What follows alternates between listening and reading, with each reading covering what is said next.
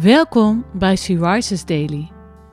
Deze maand is het thema Gods reddingsplan. En vandaag luisteren we naar een overdenking van Carla Kwakkel.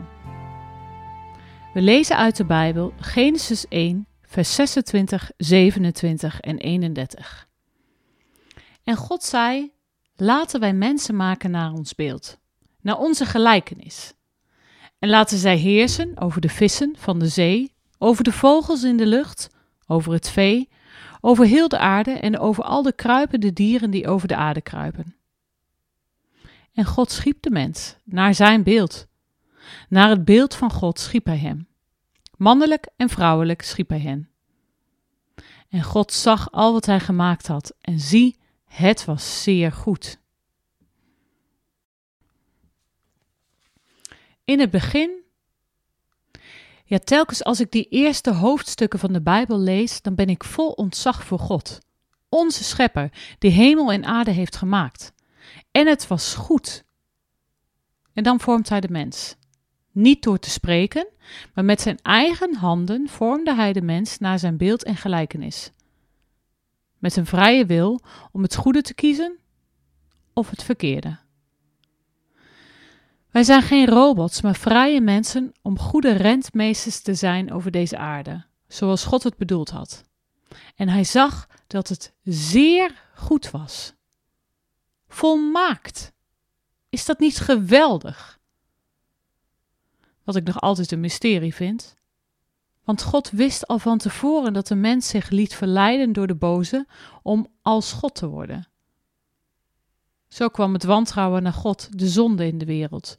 Door ons kwam er een kloof tussen God en mens. En die kloof was niet te overbruggen, zelfs niet door religieuze plicht. Heel lang heb ik me afgevraagd: Heer, waarom heeft u ons geschapen met de vrije wil, als u al wist dat het verkeerd zou gaan?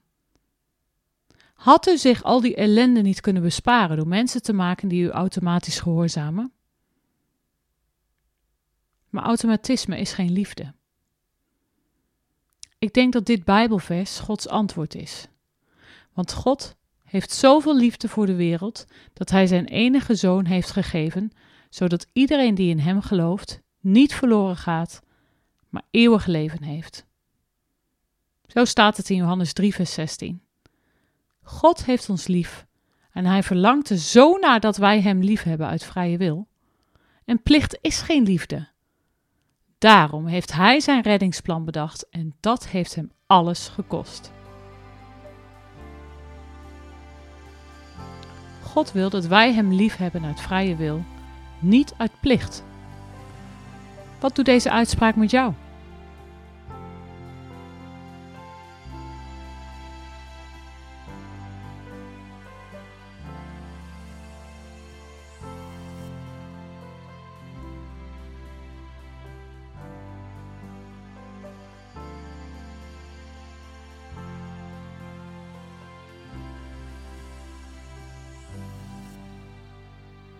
Zullen we samen bidden?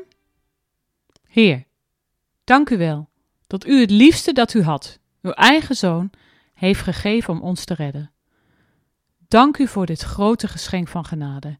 Ik hou van u met heel mijn hart, Heer. Amen. Je luisterde naar een podcast van Sea Rises. Sea Rises is een platform dat vrouwen wil bemoedigen en inspireren in een relatie met God. Wij zijn ervan overtuigd dat het Gods verlangen is dat alle vrouwen over de hele wereld Hem leren kennen. Kijk op www.she-rises.nl voor meer informatie.